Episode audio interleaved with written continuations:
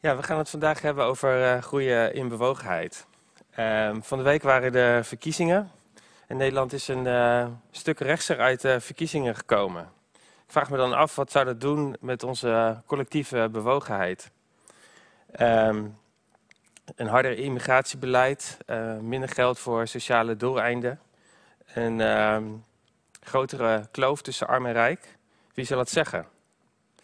En nu we in deze pandemie zitten, lijkt het alsof we allemaal wat meer aan onszelf moeten denken, niet waar? Sommige crisissituaties die uh, verbinden, uh, zoals natuurrampen, aardbevingen. Het is dan net alsof we samen vechten tegen dezelfde vijand. Maar de geschiedenis die leert dat pandemieën uh, eigenlijk de neiging hebben om een wicht te vormen in de samenleving. En dat is ook bekend van uh, ziektes en plagen uit de middeleeuwen, zoals uh, de gevreesde pestepidemieën. Collectieve angst zorgt voor een uh, verlies van empathie en bewogenheid. Angst voedt op een bepaalde manier het, het, denken om eerst aan onszelf te moeten denken. De angst en de onzekerheid in deze tijd, die werpt ons op een bepaalde manier ook terug op onszelf. En je ontfermen over de ander staat daardoor onder druk. Tijdens de Spaanse griep in 1918, dat was uh, de vorige pandemie, zijn wereldwijd naar schatting, moet ik even kijken, 50 miljoen mensen overleden. Dat is ontzettend veel. En dat aantal, dat overstijgt ruimschoots de 8 à 9 miljoen mensen die zijn omgekomen tijdens de Eerste Wereldoorlog. Uh, een paar jaar eerder. Vijf tot zes keer zoveel slachtoffers. En het gekke is dus eigenlijk dat na de Eerste Wereldoorlog er allerlei herdenkingen georganiseerd werden, monumenten werden neergezet voor de slachtoffers. Maar dat er voor de, de pandemie, dus van de Spaanse griep, geen enkele herdenking of monument is gehouden. Vreemd eigenlijk. Ik heb daar niet echt een verklaring voor. Het is net alsof iedereen wil vergeten uh, en niet meer geconfronteerd wil worden met wat zo'n tijd met je doet. Ik weet niet wat deze tijd met jou doet, maar mijn geduld raakt soms wel op. Mijn empathie voor anderen staat onder druk. Mijn uh, irritatiegrens die stijgt. Uh, het uh, chagrijnniveau stijgt. Is dat misschien herkenbaar, ook bij jullie thuis? Deze pandemie die probeert mijn geduld en mijn empathie te roven. Zo, zo voelt dat soms. Deze pandemie probeert onze compassie te roven. En het zet onze bewogenheid onder druk. Daarom wil ik vandaag met jullie nadenken over hoe we kunnen groeien in bewogenheid. Hoe kan ik groeien in compassie, empathie, ontferming, bewogenheid in deze tijd? Nou, we gaan kijken naar het ongelofelijke voorbeeld van Jezus. Hoe hij vanuit een bewogen hart, een hart van ontferming, naar mensen keek. Dat is zo ontzettend inspirerend. We gaan van hemzelf leren wat het betekent om vol ontferming en mededogen te zijn. Niet op het niveau van het weten, maar op het niveau van het hart. En ik hoop en bid dat ons dat van binnenuit mag veranderen. Dus we gaan het niet hebben over oppervlakkig bewogen zijn met anderen. Nee, Jezus was een ander voorbeeld. Dat ging zoveel verder. De compassie die hij toonde, bracht echte dingen naar boven in de levens van mensen. Um, en de compassie die Jezus had voor mensen, die ging verder dan alleen de mensen waar hij van hield. Hij toonde ook compassie naar de mensen um, die hem afwezen of openlijk vijandig naar hem waren. Dus vandaar het thema groeien in bewogenheid. En als we dat echt willen leren van Jezus zelf, waarom nodigen we hem dan niet uit om dat in ons leven te doen? Dus misschien kan je je handen openen en um, hem binnen laten komen in je hart, in je denken. Heer, ik heb u nodig. Ik heb u nodig in mijn leven. Ik heb u nodig om uh, een hart van bewogenheid te vormen. Ik heb u nodig dat u mij vult van binnen met uw bewogenheid. Ik heb uh, u nodig om uh, ja, uw kracht, uw liefde. Om in deze tijd ook bewogenheid vorm te geven naar anderen toe. En Heer, zegen ons om uh, als kerk die bewogenheid van u ook steeds opnieuw te ontvangen. In Jezus' naam. Hoe kunnen we groeien in compassie? Nou, als eerste is het denk ik belangrijk dat we begrijpen dat bewogenheid iets is wat je ontvangt. Bewogenheid moet worden ontvangen. Het is niet iets wat je bezit. Het is niet iets wat we zomaar onuitputtelijk in onszelf hebben. Het is niet als een banksaldo waar je, je, je stopt je pinpas in de automaat en er komt geld uit en de volgende dag weer en de volgende dag weer. Nee, onze bewogenheid zou je veel meer kunnen vergelijken met een, een waterpoel in de woestijn. de, de, zon gaat schijnen ehm, en uh, het water wat eerst nog helder was, dat, uh, dat droogt op en het wordt een beetje modder. En wat er uiteindelijk overblijft zijn scheuren in de grond. Is dat herkenbaar? We hebben een rivier nodig, die iets wat veel groter is dan onszelf. We hebben het nodig om onder Gods waterval van bewogenheid te staan. Heer, ik heb uw bewogenheid voor anderen nodig. Ik heb het zo nodig om zelf veranderd te worden met uw hart van bewogenheid. U heeft iets wat, wat ik niet zomaar in mezelf heb. Ik heb u nodig. En een belangrijk principe, wat voor veel dingen Ehm, ja, in onze relatie met Jezus geldt, geldt ook voor bewogenheid. Je kunt niet weggeven wat je niet hebt ontvangen. We hebben het nodig om bewogenheid te ontvangen. En dat is iets wat je dus alleen kunt krijgen door het van Hem te ontvangen. Het is iets dat God jou wil geven.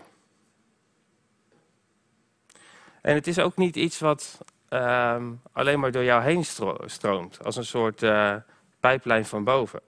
Ik geloof niet dat het zo werkt. Want dan zou het te veel buiten onszelf omgaan. Ik geloof dat we veel meer bedoeld zijn als een reservoir van bewogenheid. We hebben het zo ontzettend nodig om Gods bewogenheid voor onszelf ook te ervaren. Ik denk dan ook een beetje aan het beeld van een, uh, van een spons die doordrenkt is. En wij wij zelf zijn het object van Gods liefdevolle bewogenheid. Hij wil uh, zijn bewogenheid gieten in jouw leven. En vaak denken we dat, uh, dat we zelf aan de gang moeten met bewogenheid naar de wereld om ons heen. Maar dan wil ik je toch even stilzetten. Richt je niet te snel op anderen als je het zelf nog niet ontvangen hebt. God begint allereerst bij jou. Hij begint bij mij. En dit is hoe Paulus dat verwoordt in uh, 2 Korinthe 1, vers 3 tot 7. Geprezen zij de God en Vader van onze Heer Jezus Christus. De Vader die zich over ons ontfermt. De God die ons altijd troost en ons in onze ellende moed geeft. Zodat wij, door de troost die wij zelf van God ontvangen, anderen in al hun troost en ellende moed kunnen geven.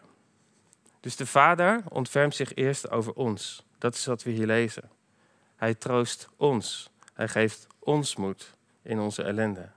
Zodat wij uh, anderen op onze beurt kunnen troosten en moed kunnen geven. Met de troost en de moed die wij eerst zelf ontvangen hebben. Dit is hoe het werkt. Dus als we aan de verkeerde kant beginnen, dan beginnen we eigenlijk niet echt. Proberen we dan niet bewogen te zijn uit eigen kracht. Soms willen we zo graag te snel gaan en aan de gang gaan met het uitdelen van Gods bewogenheid. Maar misschien wel als een manier om kwetsbaarheid te vermijden. En Gods bewogenheid maakt ons kwetsbaar. Gods bewogenheid gaat ook over onze diepste noden. En uh, Gods bewogenheid onthult hij als het ware denk aan alle prachtige God-stories uit de Evangelie. Mensen die het object waren van Gods bewogenheid, zoals de blinde Bartimaeus en de vrouw van wie zeven demonen werden uitgedreven, Maria Magdalena. Of de melaatse die neerknielde voor Jezus en riep, Heer, ontferm u. Weet je, deze mensen die werden stuk voor stuk waren ze bekend om hun diepste noden. Maar hun diepste nood was ook de plek van, van de grootste verandering. En wij hebben een vader die zich over ons ontfermt. En in Lucas 7 lezen we het prachtige verhaal van een vrouw die bij Jezus kwam. Terwijl uh, Jezus te gast was bij een maaltijd uh, bij een fariseer. En het is er een verhaal van een vrouw die uh, ja, wat verkeerde afslagen had genomen in het leven. De dingen hadden niet goed uitgepakt. Ze stond bekend om haar fouten en ze werd door haar tijdgenoten gelabeld als een zonderes. En dat was niet een fijne plek om te zijn. Maar deze vrouw was zo onder de indruk van wie Jezus was en wat hij gedaan had. Ze loopt kwetsbaar en wankelend de ruimte binnen op zoek naar Jezus. En even later vindt ze zichzelf op de grond. Gebogen knieën, haar, zicht, haar gezicht verborgen, snikkend aan de voeten van Jezus. En Jezus laat haar begaan. Jezus laat haar zijn in haar emotie en hij onderbreekt haar niet. Dat is zo mooi. En het snikken wordt heviger en ze huilde. En de tranen die vloeien op de voeten van Jezus. En als ze dat dan opmerkt, dan pakt ze haar lange haar en maakt ze zijn voeten droog. Ze uit zo'n diepe emotie. Ze kust zijn voeten. En dan pakt ze een kruikje, hele dure um, olie, parfumolie, en ze breekt het open. En ze giet het kruikje leeg over de voeten van Jezus. En de andere gasten, die spreken daar schande van dat Jezus dit allemaal zomaar laat gebeuren. En Simon, de gastheer, die is er echt verbolgen over. En hij confronteert Jezus ermee. En de reactie die Jezus dan geeft, die gaan we even lezen uit Lucas 7, vers 44 tot 47. Toen draaide hij zich om naar de vrouw en vroeg aan Simon: Zie je deze vrouw? Ik ben in jouw huis te gast en je hebt me geen water voor mijn voeten gegeven. Maar zij heeft met haar tranen mijn voeten nat gemaakt. En ze heeft met haar haar mijn voeten afgedroogd. Jij hebt mij niet begroet met een kus, maar zij heeft, sinds ik hier binnenkwam, onophoudelijk mijn voeten gekust. Jij hebt mijn hoofd niet met olie ingewreven, maar zij heeft met geurige olie mijn voeten ingewreven. Daarom zeg ik je, haar zonden zijn haar vergeven, al waren het vele. Want ze heeft veel liefde betoond, maar wie weinig wordt vergeven, betoont ook weinig liefde. En misschien ben jij wel iemand die, ja, die er echt naar verlangt om heel bewogen te zijn naar anderen in deze wereld. dat je echt voor jezelf hebt, ja, ik wil echt bewogen zijn. Ik wil echt een bewogenheid hebben die het verschil maakt. Ik wil dat liefde en bewogenheid ja, door mij heen stroomt en de wereld verandert. Maar Jezus leert ons hier het verband tussen ontvangen en weggeven. De mate waarin jij jezelf opent voor Gods bewogenheid bepaalt ook de mate waarin jij in staat bent om uh, echt bewogen te zijn met anderen. Dat is iets wat we allemaal wel, wel willen en waar we naar verlangen. Maar we willen ook liever wegblijven bij de kwetsbaarheid van onze eigen noden. Waar we Gods bewogenheid zelf zo nodig hebben. Ik heb in mijn eigen leven ook uh, ja, echt momenten gehad dat ik uh, Gods bewogenheid, uh, ja, dat ik het echt nodig had om dat te ontvangen. En dat was een proces en daar wilde ik eigenlijk liever niet aan. Het is makkelijker om door te leven en ehm, ja, covering up en moving on. Maar misschien zijn er ook dingen in jouw leven ehm, ja, waar je liever niet aan wil. Of, of, of misschien dingen in jouw verleden. Dingen waar nooit over gepraat werd. Maar dingen die nog steeds een impact hebben op jouw leven. En misschien ontrouw of uh, verslavingen. Agressief gedrag. Ik weet niet hoe jouw leven eruit ziet. En wat werd er bij jullie thuis allemaal onder het tapijt geschoven waar eigenlijk ontferming nodig was? Het probleem van doorleven en dingen wegstoppen, is dat ze voortdurend naar boven blijven komen. En om erachter te komen waar jij Gods ontferming nodig hebt, sta dan eens stil bij de volgende vraag. En waar schaam ik me het meeste over? Wat is het meest gênant in mijn leven? Waar heb ik het meeste spijt van? En wat wil ik echt dat niet op social media terechtkomt? En je mag bij God komen met deze dingen. We hebben een vader die zich over ons ontfermt.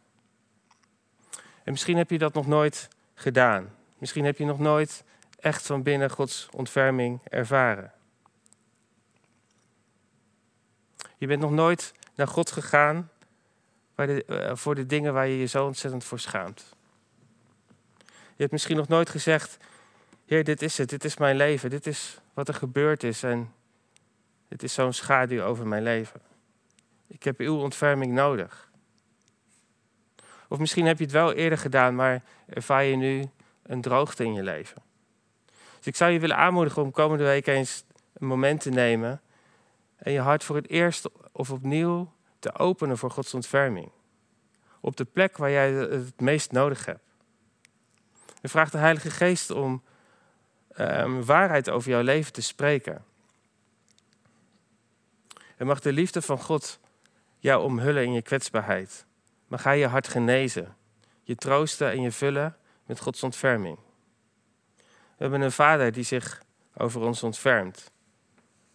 En we hebben het zo nodig om eerst zelf Gods ontferming te ontvangen voordat we dat kunnen weggeven. Goed, het tweede punt waar ik bij stil wil staan, is dat we het ook nodig hebben om bewogenheid echt te voelen. Bewogenheid gaat dwars door ons heen. bewogenheid is, een, um, is iets dat we ervaren als een gevoel, als een emotie. En de Bijbel gebruikt uh, in, uh, het woord wat gebruikt wordt voor bewogenheid en ontferming. Dat zijn uh, woorden met een enorme gevoelsbetekenis. In het Oude Testament uh, is de oorspronkelijke betekenis van het woord. Ehm, dat, dat stamt dus af van het woord baarmoeder. Het dus Bijbelse bewogenheid is verbonden met de sterke en hechte emotionele relatie van een moeder met haar ongeboren kindje.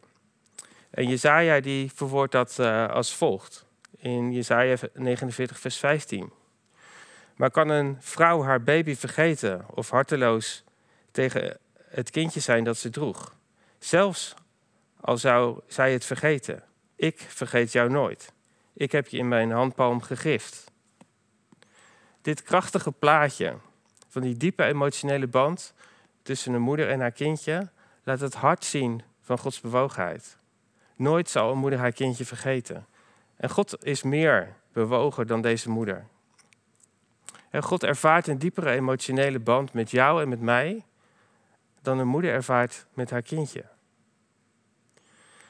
En het woord dat in het Nieuwe Testament gebruikt wordt, dat stamt af van ingewanden. Iets wat diep van binnen wegkomt. En uh, bewogenheid is een gevoel. En het kortste vers uit de Bijbel, dat laat dat misschien wel het, het meest zien. In Johannes 11, vers 35 lezen we: Jezus begon ook te huilen. Jezus huilde. Dat is ontferming. Dat is bewogenheid. Dat is meevoelen vanuit de diepte van je buik. Een bewogenheid die een grote betrokkenheid laat zien.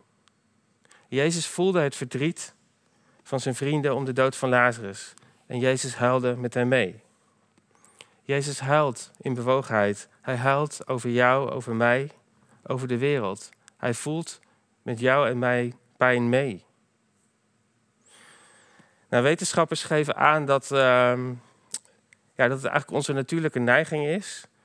Ehm, dat we geen gevoelens van ontferming ervaren uh, bij mensen die heel anders zijn dan wij.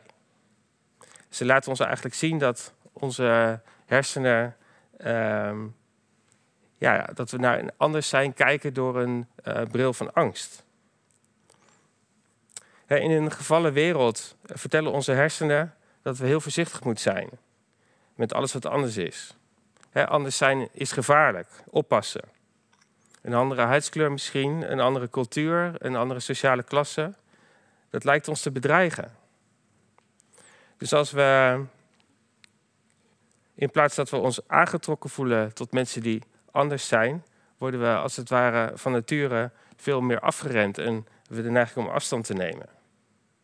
Maar wat onderzoekers in onze tijd uh, ja, hebben ontdekt over ons brein, dat vertelt de Bijbel eigenlijk al eeuwenlang. De Bijbel roept ons op om ons actief te ontfermen over de vluchteling en de vreemdeling. Iedereen die anders is. En dat gaat niet vanzelf. Onze ogen zien gevaar en leiden ons op een weg van angst in plaats van bewogenheid. Dus we hebben nieuwe ogen nodig. Een brilletje dat het een en ander corrigeert. En het leven van Jezus is ons voorbeeld. Hij zag met de ogen van God en hij hoorde met de oren van God. En die, beeld in neiging om alles wat anders is door, een, door ogen van angst te zien, dat overwint hij. Een aantal voorbeelden. In Matthäus 14, vers 14, er staat toen Jezus uit de boot stapte en hij de grote menigte zag, voelde hij medelijden met hen en hij genas hun zieken. En in Exodus 3, vers 7 staat over God, de Heer zei, ik heb gezien hoe ellendig mijn volk er in Egypte aan toe is. Ik heb hun jammerklachten over hun onderdrukkers gehoord. Ik weet hoe ze lijden. Dat is God, dat is wie Hij is. Hij kijkt, hij hoort, hij ziet. En het gaat niet voorbij aan zijn emoties. Hij kijkt vol ontferming. Dus groeien in ontferming begint met de dingen te zien zoals God ze ziet. Een groeien in ontferming begint met de ander te zien zoals God hem ziet. En we hebben, het ons, we hebben het nodig om ons echt te kunnen verplaatsen in de ander. Het is, het is niet genoeg om op een afstand te blijven en uh, onze emoties te buiten te houden. Wie is die ander voor jou? Als je in Nederland uh, bent opgegroeid, dan heb je geen idee wat, hoe het is voor een vluchteling die hier is of een asielzoeker. Of als je blank bent zoals ik, dan heb je geen idee wat het, eh, wat het is om voortdurend gediscrimineerd te worden.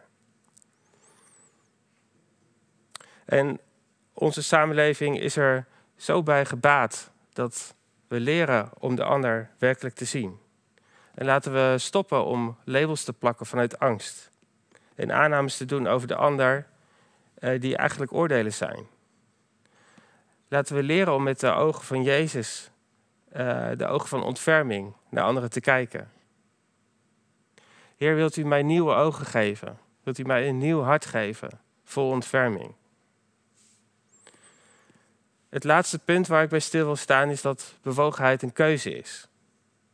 En dat is wat we ook kunnen leren van um, het hart en de bewogen houding van Jezus.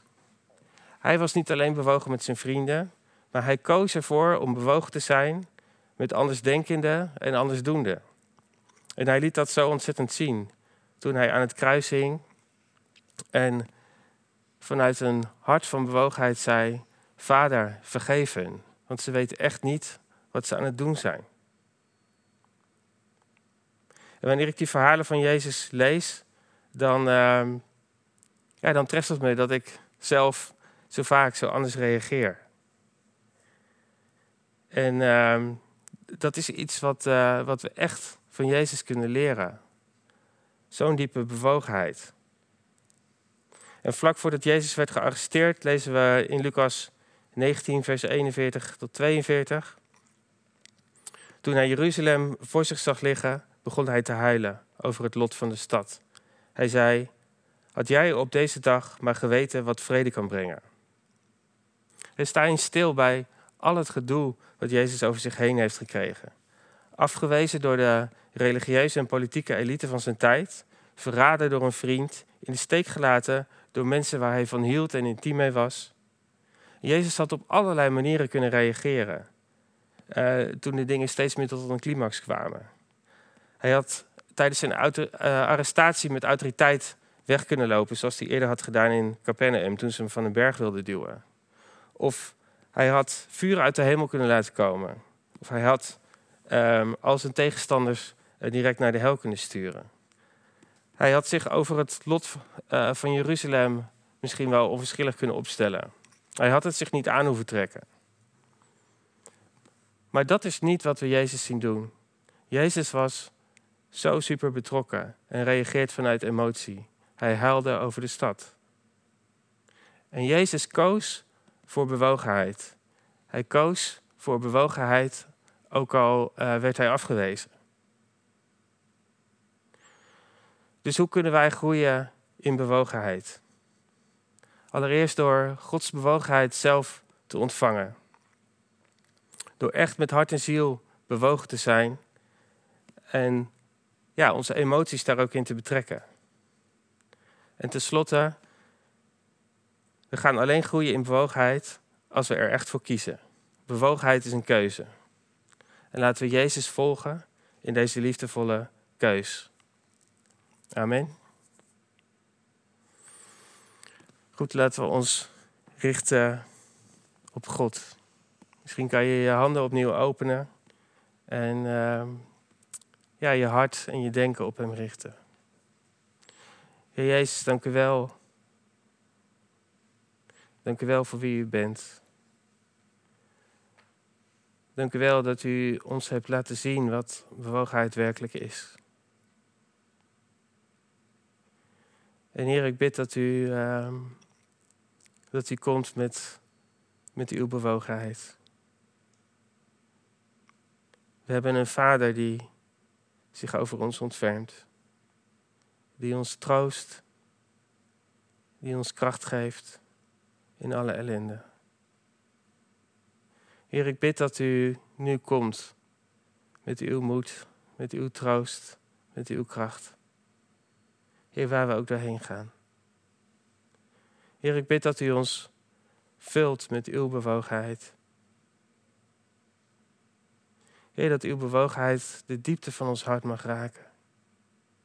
Dat het niet buiten ons gevoel omgaat, Heer.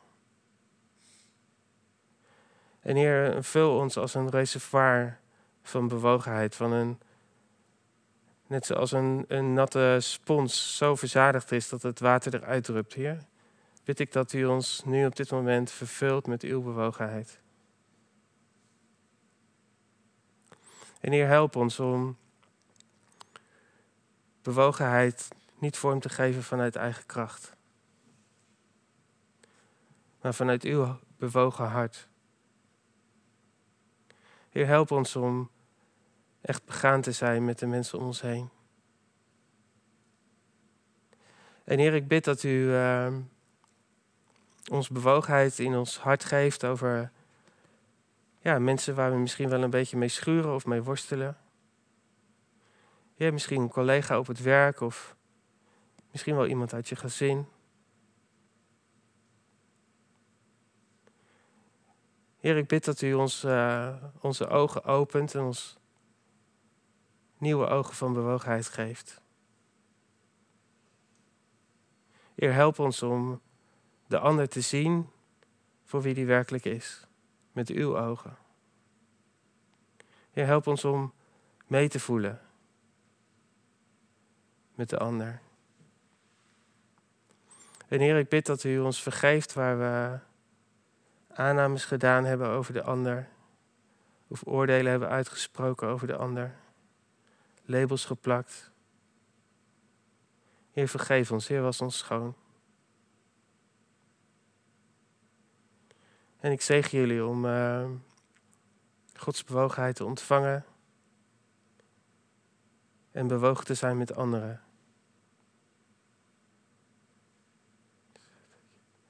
We hebben een God die uh, met ons bewogen is. In Jezus' naam. Amen.